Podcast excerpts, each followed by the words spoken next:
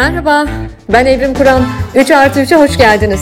3 artı 3'te konuklarımla birbirimize üçer soru soruyoruz. Keyifli dinlemeler. Herkese merhaba. 3 artı 3'ün yeni bölümüne hoş geldiniz. Bu bölümde konuğum bence tam da zamanında misafirim olan bir konuk. Ee, çalışma alanı mutluluk olan bir sosyal psikolog. Sosyal psikolog yani araştırmacı psikolog yani tedavi etmiyor, araştırıyor, deneyler yapıyor. Doktor Pelin Kesebir. Pelin hoş geldin yayına. Merhabalar, hoş bulduk. Çok mutluyum seni misafir ettiğim için. Çok uzun zamandır e, seni takip ediyorum, yazdıklarını, paylaştıklarını, çalışmalarını okuyorum. E, ve bence hep söylüyorum tesadüf yok, tevafuk var. Tam da zamanında seni e, davet ettiğimi ve senin de kabul ettiğini düşünüyorum. Çünkü mutluluğu belki de en çok merak ettiğimiz, belki evet en çok mutluluk hakkında konuşmak istediğimiz zamanlardayız. Ben önce bütün yayınlarda olduğu gibi e, seni tanıtacağım dinleyicime, e, bendeki karşılığını anlatacağım. Sonra ilk sorumu soracağım ve sevgili dinleyiciler evvelce birbirimizle hiç paylaşmadığımız birer soruyu birbirimize sormaya başlayarak 3 e, artı 3'ü e, bu bölümünü gerçekleştireceğiz. Doktor Pelin Kesebir 1979'da İstanbul'da doğdu. E, orta öğrenimini Alman Lisesi'nde tamamladıktan sonra Koç Üniversitesi'nden Uluslararası İlişkiler ve Psikoloji diplomalarıyla yani çift anadalla mezun oldu. Sonra ver Amerika Birleşik Devletleri Sosyal Psikoloji ve Kişilik Psikolojisi alanındaki doktorasını Illinois Üniversitesi'nden aldı ve şu anda yayına da oradan katılıyor. Amerika Birleşik Devletleri'nde Wisconsin-Madison Üniversitesi bünyesindeki Center for Healthy Minds yani Sağlıklı Zihinler Enstitüsü'nde mutluluk ve erdemler üzerine çalışıyor. Acayip bir şey bu. E, mutluluğun bize endüstriyel bir ürünmüşçesine ittirildiği bir çağda Pelin bu işi gayet bilimsel bir şekilde ele alıyor. Ben çok uzun zamandır takipçisiyim. E, yıllar önce Twitter'da tanıdım onu. Uzun zamandır takip ediyorum. Ve onu şöyle e, konumluyorum kendi hayatımda. O benim Twitter cehennemindeki antidotum. E, yani panzehirim. e, çünkü e, öyle büyük bir e, linç yangını var ki orada herkesin odun attığı ve neredeyse mutlu olmak için uzak kalmak durumunda olduğumuz bir mecra oldu Twitter. Fakat o gerçek bir antidot. E, çünkü onu her okuduğumda, karşıma her çıktığında hatta özel olarak girip onun hesabında baştan aşağı bazen bütün paylaşımlarını arka arkaya okuduğumda kendimi çok iyi hissediyorum. Bir kitap yazmasını dört gözle beklediğim insanlardan biri ama yazıyor şu an biliyorum. İnşallah inşallah en kısa zamanda kitap kitabıyla da buluşacağız. Ve Pelin hoş geldin yayına. Çok teşekkür ediyorum. Ta oralardan, Amerikalardan bu saat farkıyla birbirimize engel olmadık, birbirimize buluştuk. Seyircimle, dinleyicimle buluşuyorsun. Çok teşekkür ederim. Ben çok teşekkür ederim. Davet ettiğiniz için de, bu güzel sözleriniz için de ne kadar ne kadar e, yani çok büyük bahtiyarlık benim için e, bunları duymak. E, kitap için, iyi dilekleriniz için de ayrıca çok teşekkür ederim. Hakikaten benim de e, çok e, kalbimde olan bir şey. E, bu aralar biraz daha yoğun çalışıyorum. O yüzden inşallah yakında çıkacak. E, sizinle de paylaşmaktan o zaman çok büyük mutluluk duyacağım. İnşallah. Dört gözle, dört gözle bekliyoruz ve ilk sorum geliyor. Hazır mısın? Süper, harika. Bekliyorum. Şimdi e, Pelin ben e, Time'ın 2020'de yayınladığı The Science of Happiness, Mutluluğun Bilimi özel sayısını e, saklıyorum, bayılıyorum. O benim arşiv sayım. E, bu O sayıda pek çok bilim insanının görüşü var, araştırmalar var. Bir araştırmacı olarak ben de büyük bir merakla okudum onu. O bir sürü çıktılar var orada, kendime aldığım notlar da var. Ama orada şöyle bir şey öğrendim. Mutluluğun %50'si genetik, %40'ı davranışsal, Yüzde onu da çevresel faktörlere yani şartlara bağlı diyor orada yer alan araştırmalardan biri. Yani eğer mutsuzsak benim tercümeme göre mutsuzsak kabahatin yarısı hala bizim diye okuyorum bunu. İlk sorum bu. Kabahatin yarısı mutsuzsak bizim mi Pelin? Yani hani kabahat demeyelim ama e, şey diyelim yani mut, mutsuzsak daha mutlu olabilmek için yapabileceğimiz şeyler var diyelim. E, şimdi bu tabii sizin söylediğiniz rakamlar gayet iyi biliyorum o araştırmayı. E, o rakamları da tabii çok literalde almamak gerekiyor ki bu e, makalenin yazarları da Sonya Lyubomirsky adlı bir sosyal psikolog ve e, onun e, araştırma arkadaşlar hani onlar da diyorlar. Yani bunlar biraz daha hani bize genel bir fikir vermesi için ortaya koyulmuş sayılar. Hani buradan almamız gereken dersler neler? Birincisi e, yani gerçekten mutluluğumuzun azımsanamayacak bir kısmı aslında bir piyango yani bizim elimizde değil o genetik bir piyango ve e, kimilerimizin bahtına bizi birazcık daha mutlu olmaya iten e, genetik yatkınlıklar düşüyor kimimize de tam tersi düşüyor e, ama bununla beraber e, her birimizin elinden gelen bir takım şeyler var. Tabii mesela yüzde on e, çevre şartları denmiş ki o da doğru ama bu şartların da e, rolü artabiliyor. Yani daha ekstrem şartlarda, daha kötü şartlarda örneğin diyelim e, e, bir savaş ortamında yaşıyorsunuz yahut kıtlıkla, e, açlıkla mücadele ediyorsunuz. Hani o zaman o yüzde onu da aşıyor. E, ama e, çok net olarak söyleyebileceğimiz bir şey e, her birimizin daha mutlu olmak için yapabileceği elimizden gelen şeyler var. Ben hani bunu o şekilde okumayı tercih ediyorum. Hani kabahat diye değil de e, böyle biraz daha farklı, daha olumlu tarafından. Yani davranışlarımızı dönüştürebiliriz daha mutlu evet. bireyler olmak için. Mesela böyle e, çok zor biliyorum bu soru ama mesela bu aralar hele de e, hele de Türkiye'den bizim coğrafyadan yayını dinleyenler için. Mesela bir iki tiyo verebilir misin bize? Ne yapsak daha kolaylaşır tabii, bu arada olmak? Tabii ki. Seve seve seve seve. Yani şimdi e, bizim tabii aslında her birimizi e, hayatta daha mutsuz kılan faktörler e, farklı olabiliyor. Yani öncelikle kendimizde bizi en mutsuz kılan e, ne var? Hangi özelliğimiz, hangi yatkınlığımız bizi e, birazdan mutsuzluğa itiyor? Bunun farkına varırsak hani her birimiz kendimize e, ayrı reçeteler çıkartabiliriz. E, ama e, genel olarak e, yani genel olarak mutsuzluğun en temel sebeplerinden ve e, pek çoğumuz için temel bir sebep olan şey olumsuz duygulara yatkınlık ve olumsuz duyguları çok fazla yaşamak ve e, tabii ki olumsuz duyguları hepimiz yaşayacağız. Hayatın hem kaçınılmaz hem de gerekli bir parçası onlar ama e, çok onların bir anlamda e, içine gömülmek ve bir türlü çıkamamak. Bu aslında e, Türkçe'ye e, yılmazlık diye de çevriliyor, dayanıklılık diye de çevriliyor ama aslında resilience e, diye İngilizce'de geçen kavramın tam karşılığı aslında bu. E, yani örneğin negatif bir şey hissettikten sonra tekrar eski halimize geri dönebilmek. E, bu e, çok çok önemli bir beceri. E, bunun üzerinde çalışmanın bence her birimiz için katkıları olabilir. Bunu ne şekillerde yapabiliriz?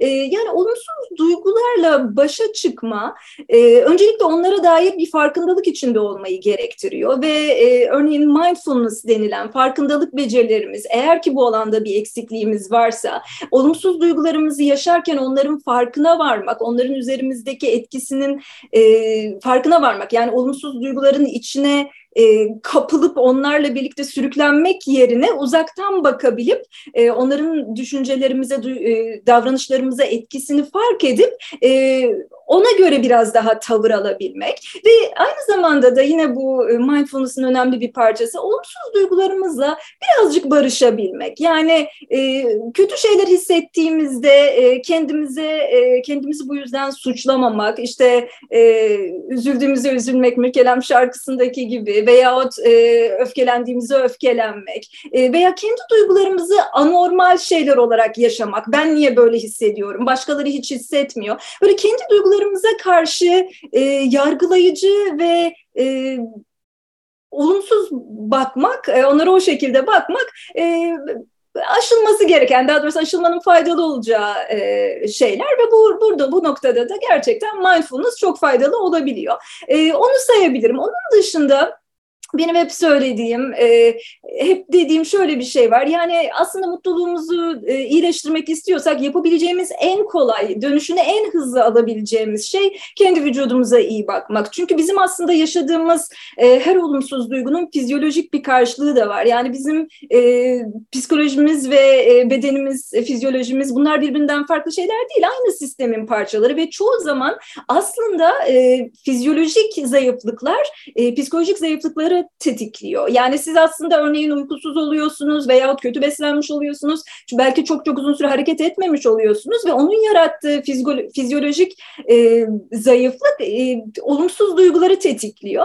E, ben arzu ederim ki yani herkes elinden geldiği ölçüde e, kendi vücuduna iyi baksın. Bunun için ne yapabiliyorsa yani yine aynı soru benim nerede eksikliğim var? Yani benim e, beslenmem mi kötü? Benim uykuyla mı sorunum var? E, ben hiç hareket etmiyor muyum? Ben sigara mı içiyorum? E, hani ne yapabiliyorsak onu yapmak e, yani bu bedenimize iyi bakmanın güzel yönü o geri dönüşü çok hızlı alabilmek. İşte mesela hani mindfulness çalışmak harika ama yani onun çok daha uzun süreler çalışmak lazım. Ama siz bugün iyi beslendiğinizde kendinizi yarım saat sonra, bir saat sonra e, iyi hissediyorsunuz. Bugün iyi uyuduğunuzda yarın iyi hissediyorsunuz ve kendinizi iyi hissettiğinizde o kendiniz için yapabileceğiniz diğer iyi şeyler içinde bir temel teşkil ediyor. Yani e, bir bir anlamda bir e, olumlu bir e, yukarıya doğru yükselen bir bir spiral e, yaratıyor gibi düşünebiliriz. Daha iyiye giden bir spiral. Bunları söyleyeyim şimdilik isterseniz sonra yine başka şeyler de ekleyebiliriz.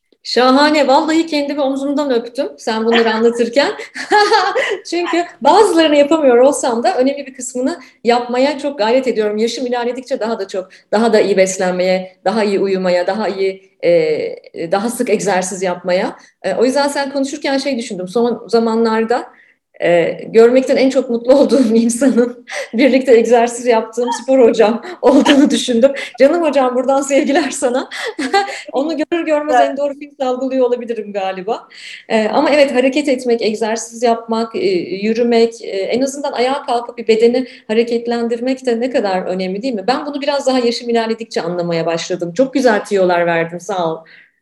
Ne demek? Yok çok çok önemli ve yani çok bu konuda çok çalışmalar da var. Yani pozitif duygularla e, egzersiz arasında, pozitif duyguları hissetmeyle egzersiz arasında çok büyük bir korelasyon var ve e, işin e, tabii işin acı yanı şu yani kendimizi psikolojik olarak e, çökük hissettiğimizde, düşük hissettiğimizde işte kalkıp hareket etmek çok daha zor geliyor veya çok daha fazla e, abur cubura yöneliyoruz. İşte e, sağlıklı beslenmek insanın içinden gelmiyor ama aslında bize iyi gelecek şeyler de tam olarak onlar bunlar e, ve tabii dediğiniz gibi biraz da yıllarla beraber bu farkındalık artıyor. Hani daha gençken işte uykusuz da olsanız, çok şahane beslenmeseniz de vücut onu biraz daha kaldırabiliyor.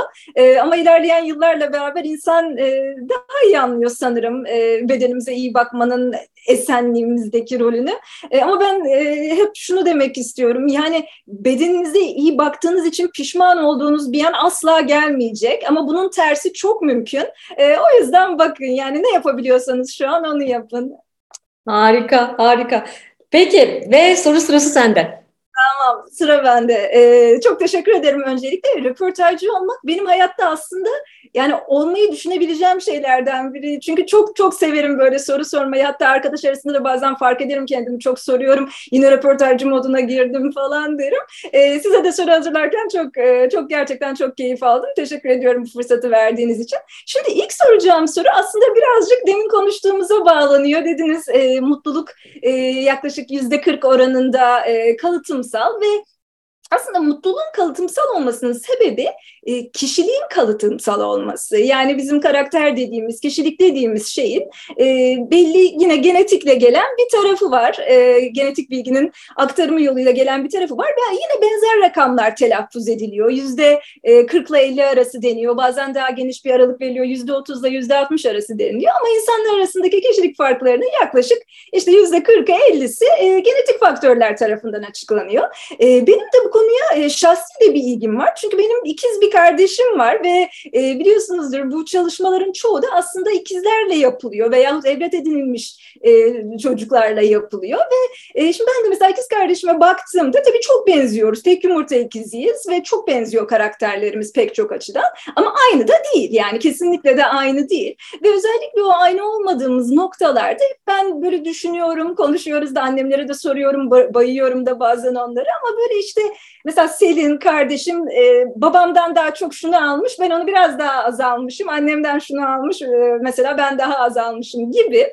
E, şimdi Bu bağlamda benim size sormak istediğim şu. Siz kendi e, annenize baktığınızda ve babanıza baktığınızda ayrı ayrı onlardan e, aldığınızı kendinizde netlikle gözlemlediğiniz e, hangi karakter özellikleri var? Yani örneğin babanıza bakıp e, işte babamda şu var ve gerçekten bunu kendimde de çok e, net görüyorum diyebileceğiniz veya anneniz için neler var? Bunu sormak isterim. Vay şahane bir soru. Neden? E, çünkü ben de bir süredir psikolojik sermaye konusunda e, çalıştığım ve özellikle gençlerin psikolojik sermayelerini hele ki bizim memlekette araştırmaya gayret ettiğim için e, onun içerisinde bir unsur, psikolojik sermaye unsurlarından birinin bende biraz eksik olduğunu fark ettim e, çeşitli çalışmalarda. Sonra onu derinlemesine araştırdığımda, okuduğumda, çalıştığımda da ha ben bunu annemden almışım dedim. O yüzden hemen ilk cevabım İlk cevabım geliyor zaten tabii ki senin uzmanlığın ama sanırım bilim de bize e, bunun biraz genetik olduğunu, genetik aktarımla geldiğini söylüyor. E, ben mesela çok enteresan bir şey. Ben çok ümit var bir kadınım. Yani geleceğe yönelik umudu çok kuvvetli bir kadınım. Ama bugüne dair iyimserliği biraz kırık bir kadınım. Yani ben annemden, e, canım anneciğim, sevgiler selamlar sana, annemden en çok karamsarlığı almışım ve bunun üzerinde bunun farkındayım, bunu biliyorum ve gerçekten çok çalışıyorum. Yani bugüne olumlu atıflarda bulunabilme becerim benim epey kırıkmış. e, karamsarım, karamsarlığımı annemden almışım ama çok çalışıyorum. E, öğrenilmiş iyimserliğe inanıyorum çünkü. Çalışıyorum bununla da ilgili özellikle işte e, e, takdir mekanizmamı geliştirmeye, şükretmeye, daha çok e, vakit ayırmaya çok çalışıyorum. Annemden aldığım e, yanlardan biri bu. E, bir de annem inanılmaz e, adalet e, konusunda hassastır. Adalet terazisi çok hassastır. Çok hakkaniyetli bir kadındır. E, dostu düşmanı ayırmaz bu konuda. E, sanırım adalet e, terazisi konusundaki hassasiyetimi de annemden almışım. Babam e, annemle düpedüz e, teğet geçen bir insan. Yani hiç belki de neredeyse hiç kesişim kümeleri yoktur diyebilirim. 47-48 yıllık beraberliklerinde. Ee, babam da iflah olmaz bir meraklı. İnanılmaz bir ne deniyor ona bilimsel olarak epistemolojik açlık. ee, yani o, o o epistemolojik açlığı e, hiç doymuyor, hiç doymuyor. Yani inanılmaz meraklı, öğrenme merakı müthiş kuvvetli e, bir adam. Müthiş bir entelektüel merakı e, ve doymazlığı var. E, galiba o tarafımı da ondan almışım. Babama iyi bir şey söyledim. Dur babamla ilgili de babamla ilgili de bir gelişim alanı söyleyeyim de hakkaniyetli olsun, denk düşsün. Babam sevmediği insanlara ghosting yapar. Kırgın olduğu, sevmediği insanları bu dünyada hiç yokmuş gibi davranır. Bu aslında çok sağlıklı bir şey değil zannedersem. Ama benim de öyle bir yanım var. Bunu da babamdan almışım. Anladım. Çok çok sağ olun paylaştığınız için. Çok e, yani hakikaten e, çok e, değişik geliyor bana. Hem sizin hakkınızda bir şey öğreniyoruz, hem anneniz babanız hakkında bir şey öğreniyoruz, hem siz kendinizi nasıl görüyorsunuz bunu öğreniyoruz. E, ama çok e, yani size anlatırken hakikaten örneğin babanızdan o merak e, duygusunu almanız hani çok çok net alınmış bir şey onu e, ben de görebiliyorum. Çok bu da aslında çok güzel bir özellik merak. Bir de insanı e, iyi yaşlandıran bir şey. Genelde meraklı insanlar çok e, hani yaşlandıkça böyle e, dinçliklerini korumaya devam ederler. Çünkü o ilgi ve merak duygusu e, onları canlı tutar hayata karşı ya hayatla e, tutundukları bir şey olunca e, sizde de inanıyorum öyle olacak. Evet onu görüyorum biliyor musun Pelin? Gerçekten e, Allah uzun ömürler versin, sağlık versin. Güzel yaşlandığını görüyorum. E, kaç yaşında babam? E, artık saymadım 70'ten sonrasını. 74 falan galiba babacığım. E, ama çok güzel yaşlanıyor. Çünkü o merak onu hayatta tutuyor, ayakta tutuyor. Mesela işte bir sene... E, e sosyal e, e, bilimlere daha çok merak sarıyor. Mesela antropoloji okuduğu bir sene var. Bir sene e, pandeminin ilk senesi miydi ne öyle bir şey. Sadece antropoloji okudu falan. İşte bir sene e, bambaşka bir şey. Bir sene işte e, neuroscience okumaya merak sarıyor falan. Çok enteresan bir adam gerçekten. Onu çok dinç tuttuğunu görüyorum. E, hepimize öyle e, yaş almayı nasip etsin e, Yaradan. Ve benim ikinci soruma geliyorum. Şimdi ikinci soruyu e, pek çok dinleyicimin ihtiyacı olduğunu e, hissettiğim için sormak istiyorum. Sorum şu, toksik ilişki nedir toksik bir ilişkide olduğumuzu nasıl anlarız? Anlayınca ne yapmalıyız? Hmm, evet, evet, evet, evet. Ee, gerçekten çok e, hepimizin e, ihtiyaç duyduğu, cevaplamaya, bilmeye ihtiyaç duyduğu sorular. E, şimdi e, toksik ilişki deyince e, benim aklıma şu geliyor. E, yine karakter özellikleri açısından bakacak olursak, e, kimi insanlarda e, toksik denebilecek veya e, psikolojide aslında karanlık e, karakter özellikleri diye geçiyor. Dark personality. E, bu, bu, e, bu tarz karanlık kişilik özelliklerinin e, düzeyi biraz daha fazla oluyor. Ne gibi özellikler bunlar? Örneğin e, narsisizm başta sayılıyor ki narsizmin biliyorsunuz değişik türleri var ama e, genel olarak narsisizm diyebiliriz. E, Machiavellianizm dediğimiz e, manipülatif olma, kendi çıkarı için her şeyi yapabilme, her şeyi mübah görme, yalan, dolan, aldatmaca bunları e, çok zorlanmadan e, insan ilişkilerine taşıyabilme.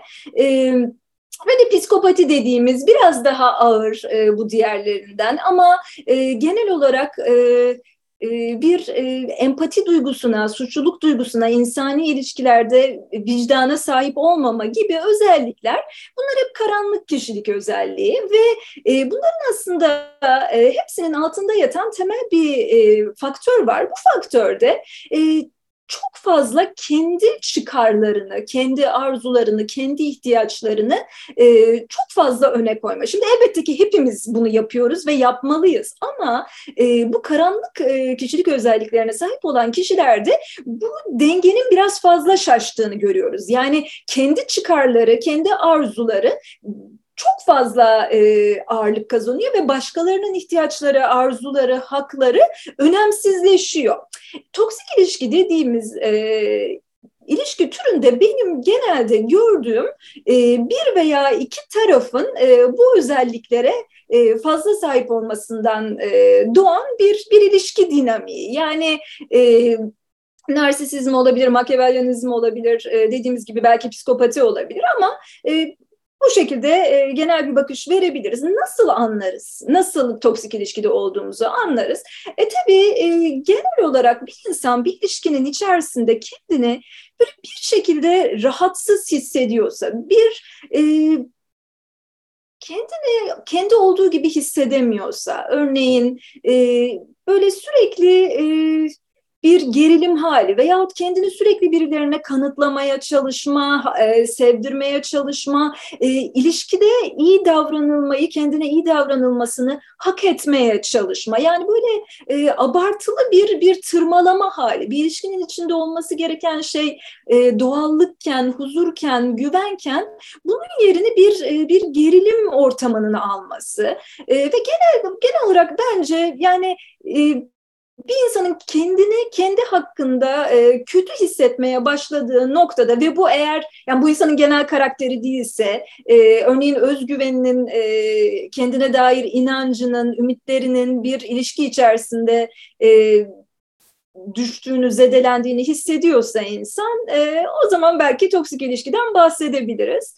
E, nasıl kurtuluruz? E, şimdi tabii e, bu çok zor bir soru çünkü bazı durumlarda e, kurtulmanın da mümkün olmadığı ilişkiler içerisinde de olabiliyor insanlar ama e, önce farkındalık, önce böyle bir ilişki içerisinde olduğumuzu anlamak.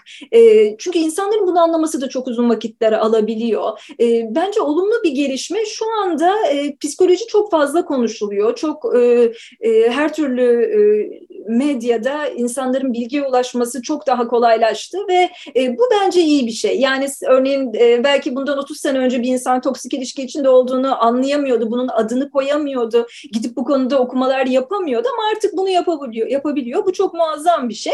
E, önce o farkındalık, e, sonra da e, sonra da işte üzerinde çalışmak. Yani benim örneğin hangi özelliklerim beni bu insana çekti ve ben bunu e, bir daha olmaması için neler yapabilirim örneğin veya tabii sınır koyma becerisi e, eğer hala bir ilişkinin içindeyseniz. E, bunlar aklıma geliyor. Bilmiyorum yeterince e, söyleyeyim. Harika. Yani sınır koyma becerisi gerçekten ne kadar kıymetli. Küçüklükten itibaren bize öğretilmesi gereken ama bizim toplumda bilhassa sanırım pek de öğretilmeyen bir şey. Ee, kulağımıza küpe olacak e, öneriler bunlar. E, özellikle galiba toksik ilişki içerisinde olduğumuzu fark etmek yolun yarısı. Bazen onu fark etmek çok uzun yıllar alabiliyor. Ya ben e, şeye çok inanıyorum. E, işte hatta inşallah bundan sonraki kitabımın olmasını arzu ediyorum. E, kişilik, karakter ve tanıyabilmek. Yani insanları tanıyabilmek ve erken tanıyabilmek. Allah iyi insanlarla karşılaştırsın diye çok güzel bir dua var. Gerçekten çok güzel. Keşke. Ama iyi insanlarla karşılaşmadığımızda bunu erken fark edebilmek de çok önemli.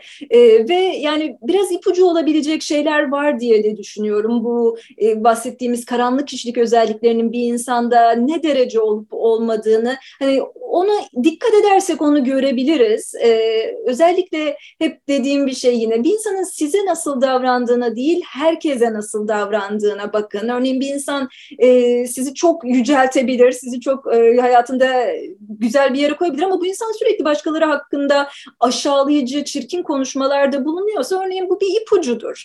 E, bunun gibi şeyler e, çok çok önemli yani o erken farkındalık e, çok önemli haklısınız. Harika yani erken teşhis hayat kurtarır efendim. Ee, bir kez daha bir kez daha bunu hatırlayalım ve soru sırası Pelin'de. Tamam çok e, çok güzel. E, şimdi benim size sormak istediğim ikinci soru da e, sizin çocukluk ve belki ilk gençlik yıllarınızda kitaplarla ilişkiniz hakkında. E, bildiğim kadarıyla okuma yazmayı erken öğrendiniz, okula erken gittiniz. E, o yıllarda e, kitaplarla ve okumayla aranız nasıldı? E, size çok size çok iz bırakmış, e, damgasını vurmuş size kitaplar veya yazarlar var mı? Veya o yıllara dönüp baktığınızda kitaplarla ve okumayla ilgili zihninizde ne gibi sahneler canlanıyor? Bütün bunları çok merak ediyorum ben. Ne güzel, harika bir soru. Ee, biliyor musun e, okula neden erken başladım? E, pek çok kuşaktaşım ve e, e, o dönemde benimle beraber aynı hikayelerden geçmiş insanların başına geldiği gibi öyle süper zeki olduğum için, dahi olduğum için falan değil. Annem ilkokul öğretmeni, ee, e, bana e, rahmetli anneannem ki kendisine anne derdim. O bakıyor ama o da çok yoğun çalışan bir kadın. Artık bana bakacak birini bulmakta zorlanıyoruz. Böyle e, full time, part time bakıcılar falan yok tabii o dönem mahallede büyüyoruz. Ve e, bana artık beni annem yanında getiriyor götürüyor falan. E, o sıralarda da 76 doğumluyum ben. E, bilenler bilir. 1980 e, 81 e, okuma yazma seferberliği var. Türkiye'de. İlkokul öğretmenleri okuma yazma seferberliğinde çalışıyor derslerden sonra. Mahalledeki okuma yazma bilmeyen e, kadınlar e, mahallenin ilkokullarına geliyorlar ve orada onlara belli bir yaşın üstü kadınlar bunlar özellikle onlara annem okuma yazma öğretiyor. Bunlardan bir tanesi de e, beni büyüten anneannem yani e, anne dediğim kişi. E, onun için benim anneannemin ilkokul diplomasında kızının yani annemin imzası var. Bu da enteresan bir şey. Türkiye işte buralardan geldi. Ee, ben de tabii beni bırakacak yerde yok ya. Ee, daha işte 4 yaşında, 5 yaşında yani 4 yaşındaki o halimle okuma yazma seferberliği vasıtasıyla yanlışlıkla okuma yazmayı öğreniyorum yani. Çünkü öyle duruyorum kenarda. Tahtaya ben de yazılar yazıyorum falan. 5 yaşında başladığımda İlkokula e, okumayı yazmayı biliyordum ve süper sıkılıyordum. Eve gelip her gün ağladığımı ve ben artık çizgi çekmek istemiyorum. O zamanlar çizgiler çekerdik böyle. Öyle dediğimi hatırlıyorum. E, işte annem de biraz böyle e, prensipli, çok disiplinli, sert, e, dönemin çok sert öğretmenlerinden. E, yani korkunç, kabus bir ilkokul birinci sınıf e, zamanı geçirdim. Ben bunları zaten biliyorum falan diyerek. Kitaplarla ise aram her zaman çok iyiydi, çok iyiydi. E, bunu da şuradan e, biliyorum. Rahmetli anneannem dediğim gibi ilkokul diplomasında annemin imzası olan ve ben doğduğumda benim 1, 2, 3, 4 yaşlarımda hala okuma yazmayı bilmeyen anneannem beni uyuturken benim elime bir kitap verirmiş. Ben o kitaba baka baka baka uyurmuşum yani bebeklikten itibaren. Dolayısıyla ben bir kitaba e, kitabı kinestetik olarak da çok seviyorum. Yani bir kitaba dokunmak. O yüzden yaşadığım evlerde, yaşadığım ülkelerde, şehirlerde e, hiç eşya bağımlılığım olmadı ama kitaplarımı hayatım boyunca oradan oraya, oradan oraya, oradan oraya taşıdım. Kitaplarla yani evdeki en önemli eşyalar olarak düşünüyorum. Kendi oğlumu da büyütürken e, Ali hafif ayaklandığında ve yürümeye, emeklemeye başladığında da evdeki kita kitaplıktaki e, onun erişebileceği yükseklikteki kitapların yerini hiç değiştirmedim. Öyle yapıyorlar ya ebeveynler hani çocuk yırtmasın etmesin diye onları devirirdi Ali. Onlarla oynardı sonra tekrar ben yerine yerleştirirdim. Şimdi Ali'nin de kitaplarla arası çok iyi. E, dolayısıyla benim kitaplarla böyle bir ilişkim var. Yani kitaplar benim gerçekten e, arkadaşım oldu. Yani onlarla oyalandım, onlarla büyüdüm. E, çok sevdim, e, o kokuyu çok sevdim. Yaşım ilerledikçe ve üniversiteye geldikçe de e, Ankara'da okudum üniversiteyi. E, Dost Kitabevi, İmge Kitabevi hepsinde hepsine borç e, e, borçlarım artıyordu. Yani en çok taksidim, borcum oradaydı. Orada krediler açılırdı o zaman. Bir gün İmge Kitabevi'ne gittim. Sevgili İmge'deki dostlar selam olsun size buradan ilk defa bu anımı anlatıyorum. Dediler ki artık sana kitap veremeyeceğiz. Borçla alıyorum tamam O zaman kredi kartı falan yok. Borçla alıyorum 90'lı yıllar. Dedim ki nasıl ya bana kitap veremeyeceksiniz? Çünkü borcun çok arttı. Eğer sana biraz daha kitap verirsek ödeyemeyeceksin e, ve hukuken zor durumda kalacaksın. O kadar kalbim kırılmıştı ve küsmüştüm ki o zaman imge kitap evine. e, yani böyle ilişkim böyleydi kitaplara. İlk e, aşık olduğum kitapları da söyleyeyim. Ben çocuk kitaplarının sadece çocuk kitapları olmadığını düşünüyorum. O yüzden oğlum da büyürken e, ona bunları okuttum. E, şu anda da evimde, kütüphanemde, salonumda hatta e, bu üç kitap durur. E, bir tanesi e, tabii ki Küçük Prens, bir tanesi Şeker Portakalı, bir diğeri de e, Küçük Karabalık. Evet. Bu üç kitap benim için çok kıymetli ve bunlar hem çocuklukta ama bilhassa yetişkinlikte defalarca kez okunması gereken kitaplar. Behrengi'nin Küçük Karabalığını da en son kitabım Onlar Göçtü Buradan da ithaf olarak, e, epigraf olarak kullandım. E, bütün küçük küçük karabalıklara ithaf ettim o kitabı da. Yani çocukluğumdan beri bu derin izleri çok taşıyorum.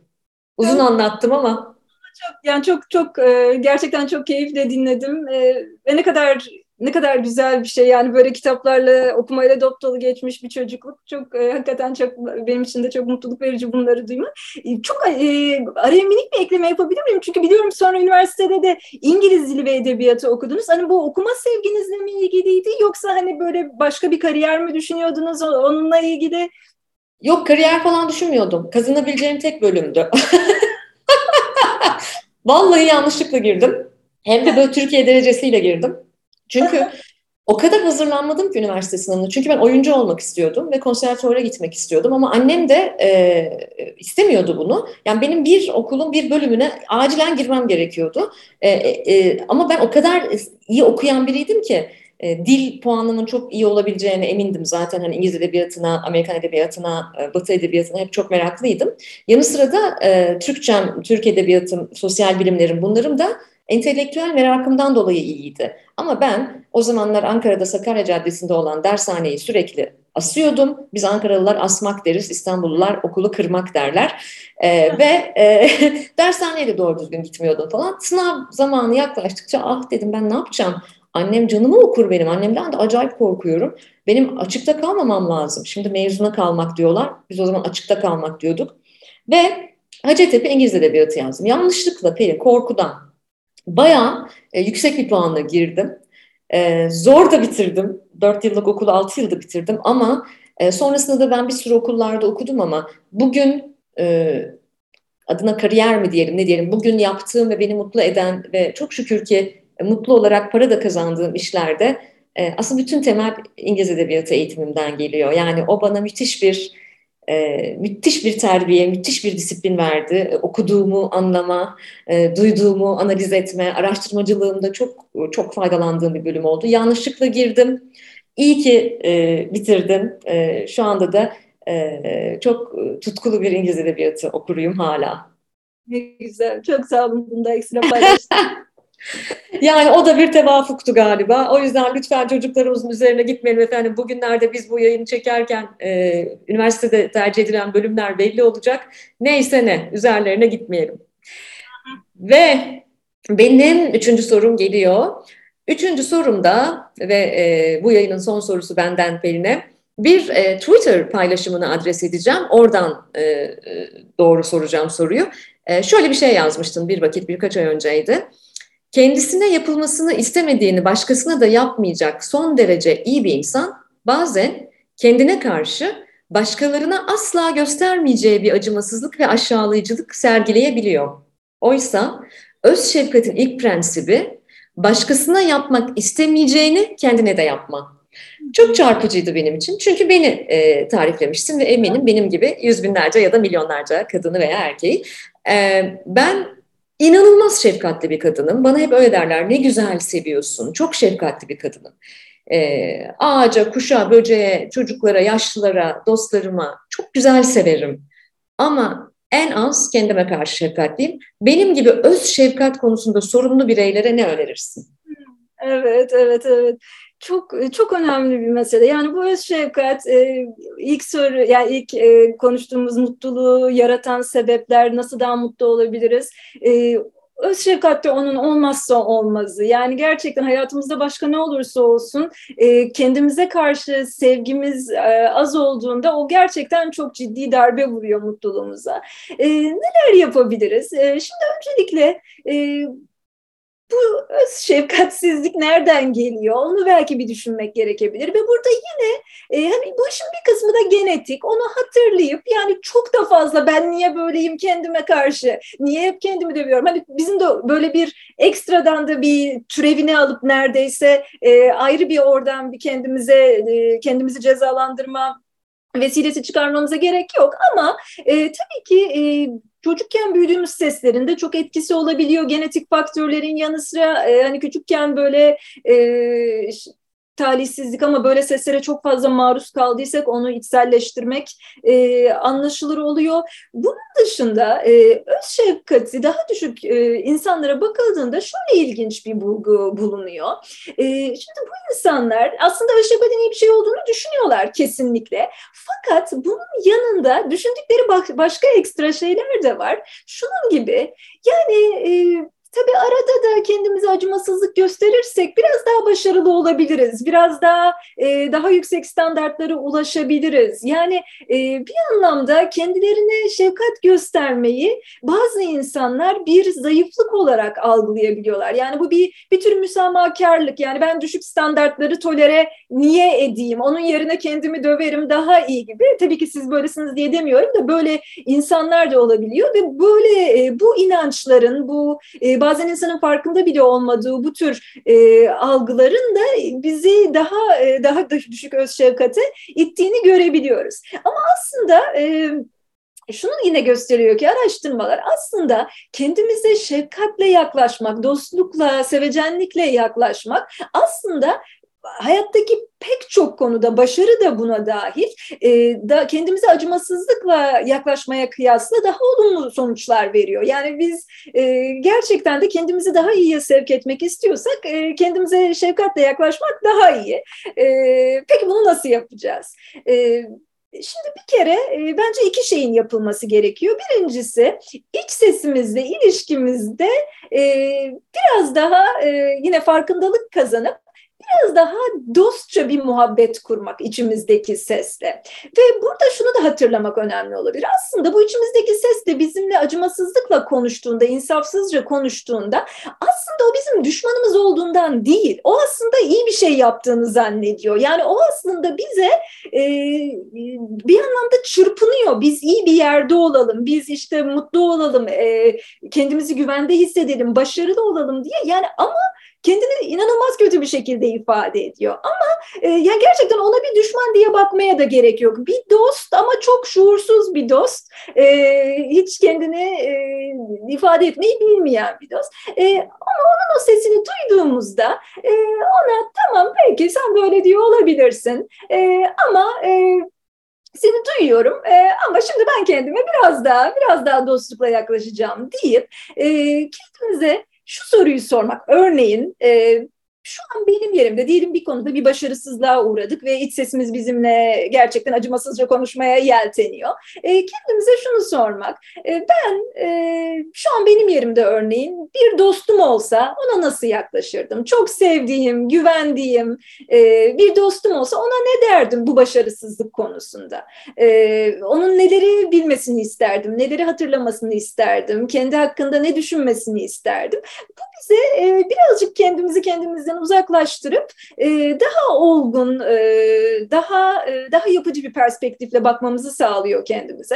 Ve bu tür alışma, alıştırmaları zihnimizde sıklıkla yaptıkça, yani kendimize dostlukla yaklaşma e, alıştırmasını yaptıkça bu gittikçe bizim için biraz daha e, alışkanlığa dönüşüyor ve e, bu yani yapılmayacak bir şey değil. Kimilerimiz için daha zor ama inanın bu mümkün bir şey. Yani içimizdeki o kötü konuşan sesi fark ettiğimiz her sefer bunu yapsak, yapmaya çalışsak elimizden geldiğince e, zaman içinde biraz daha o noktaya doğru gideriz. E, bunlar geliyor aklıma ilk aşamada. Bilmiyorum ne kadar e, yardımcı oldu ama çok güzel oldu. Ee, kendimizle hemhal olmak, kendimize izin vermek. Bir e, Twitter'da yine bir paylaşımında şey demiştin, o da bana çok iyi gelmişti.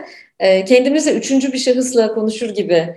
E, e peki, e peki e, Evrim diye kendimi kendimi karşısına alıp konuşmak.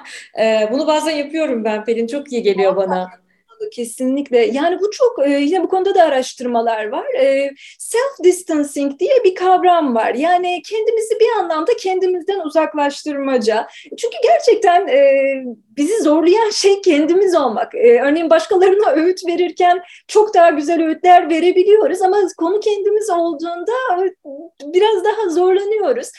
Kendimize böyle biraz daha üçüncü bir şahıs gibi bakınca işte örneğin evrim yaparsın sen bunu. Daha önce de yaptın yine yaparsın veya işte e, evrim şu an ne istiyor, neye ihtiyacı var e, veyahut sen de olabilir, üçüncü tekil şahıs da olabilir, ikinci tekil şahıs da olabilir ama bunların ikisi de birinci tekil şahıstan e, daha e, iyi sonuçlara yol açıyor gibi duruyor araştırmalara göre. Harika ve ben bunu Pelin'den öğrendiğimden beri uyguluyorum ee, sevgili dinleyici. Siz de uygulayın vallahi işe yarıyor. Benim gibi müthiş öz şefkat sorunu olan birinin e, adımlar kat ettiğini görebiliyorum.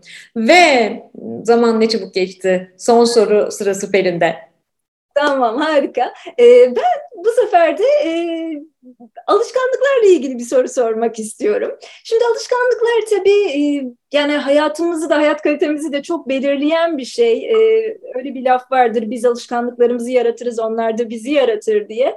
Ee, çok çok mühimler hayatımızda ve aynı zamanda e, alışkanlıklar değişimin de bir anlamda yapı taşları. Yani biz hayat, hayatımızda bir şeyleri değiştirmek istiyorsak alışkanlıklarımızı değiştirmek gerekiyor. Şimdi benim de e, size sormak istediğim soru e, hayatınızda almak isteyeceğiniz bir alışkanlık, hayatınıza en fazla katkısının olacağını düşündüğünüz bir alışkanlık ne olurdu? Ve de eğer cevaplamak isterseniz hayatınızdan atmak isteyeceğiniz, e, yok etmek isteyeceğiniz bir alışkanlık ne olurdu? Ama bunu biraz da geniş tutmak istiyorum. Biz alışkanlık deyince davranışsal alışkanlıkları düşünebiliyoruz. İşte örneğin e, spor yapmak gibi veya sigara içmemek gibi ama e, aslında duygusal ve düşüncesel alışkanlıklarımız da var. E, onları da belki katabilirsiniz daha kolaylaştıracaksa soruyu cevaplamanızı. evet, e, aslında hem e, duygusal hem davranışsal e, hayatımın atmak istediğim şeyler var.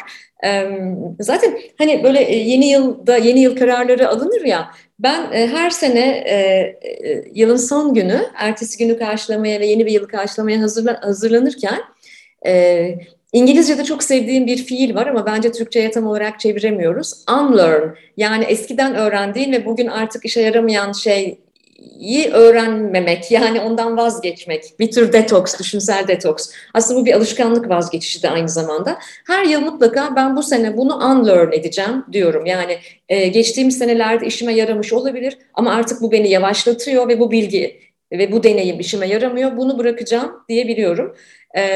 Dolayısıyla davranışsal olarak beni yavaşlatan alışkanlığa dönüşmüş şeyleri gözlemlemeye, izlemeye çok gayret ediyorum. Ve bunu bir egzersiz gibi, rutin bir egzersiz, yıllık bir egzersiz gibi yapmaya da çalışıyorum. Benim düşünsel olarak bırakmaya çalıştığım bir alışkanlığım empati yorgunluğu. Empati yorgunluğu bu e, zannedersem daha ziyade acil servis hekimlerinde olurmuş. E, bazen fiziksel olarak karşımdaki insanın sıkıntısını, çektiği acıyı, zor çok zorlandığı süreçleri bazen fiziksel olarak bile o kadar üzerime alıyorum ki kendimde hissedebiliyorum. Bloke ediyor bu beni. Bu em, bu fazla e, gereğinden fazla empati yapma halimi bırakmak istiyorum. Daha iyiyim. Her geçen sene daha iyi oluyorum.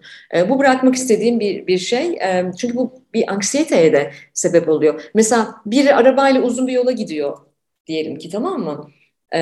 Bunu bana söylemeseler çok iyi olur. Araba kullanarak işte uzun bir yola giden biri. O kişi için o gittiği yere kadar, ulaşana kadar e, endişe duymaya devam ediyorum ben mesela. Gitti mi geldi mi yolda başına bir şey mi geldi işte e, bir an evvel gitse de ulaşsa da geldim dese de gibi gibi yorulmuş mudur acaba çok mu yorulmuştur trafikte var mıdır gibi böyle aslında e, çok da gerekli ve anlamlı olmayan yükler taşıyorum.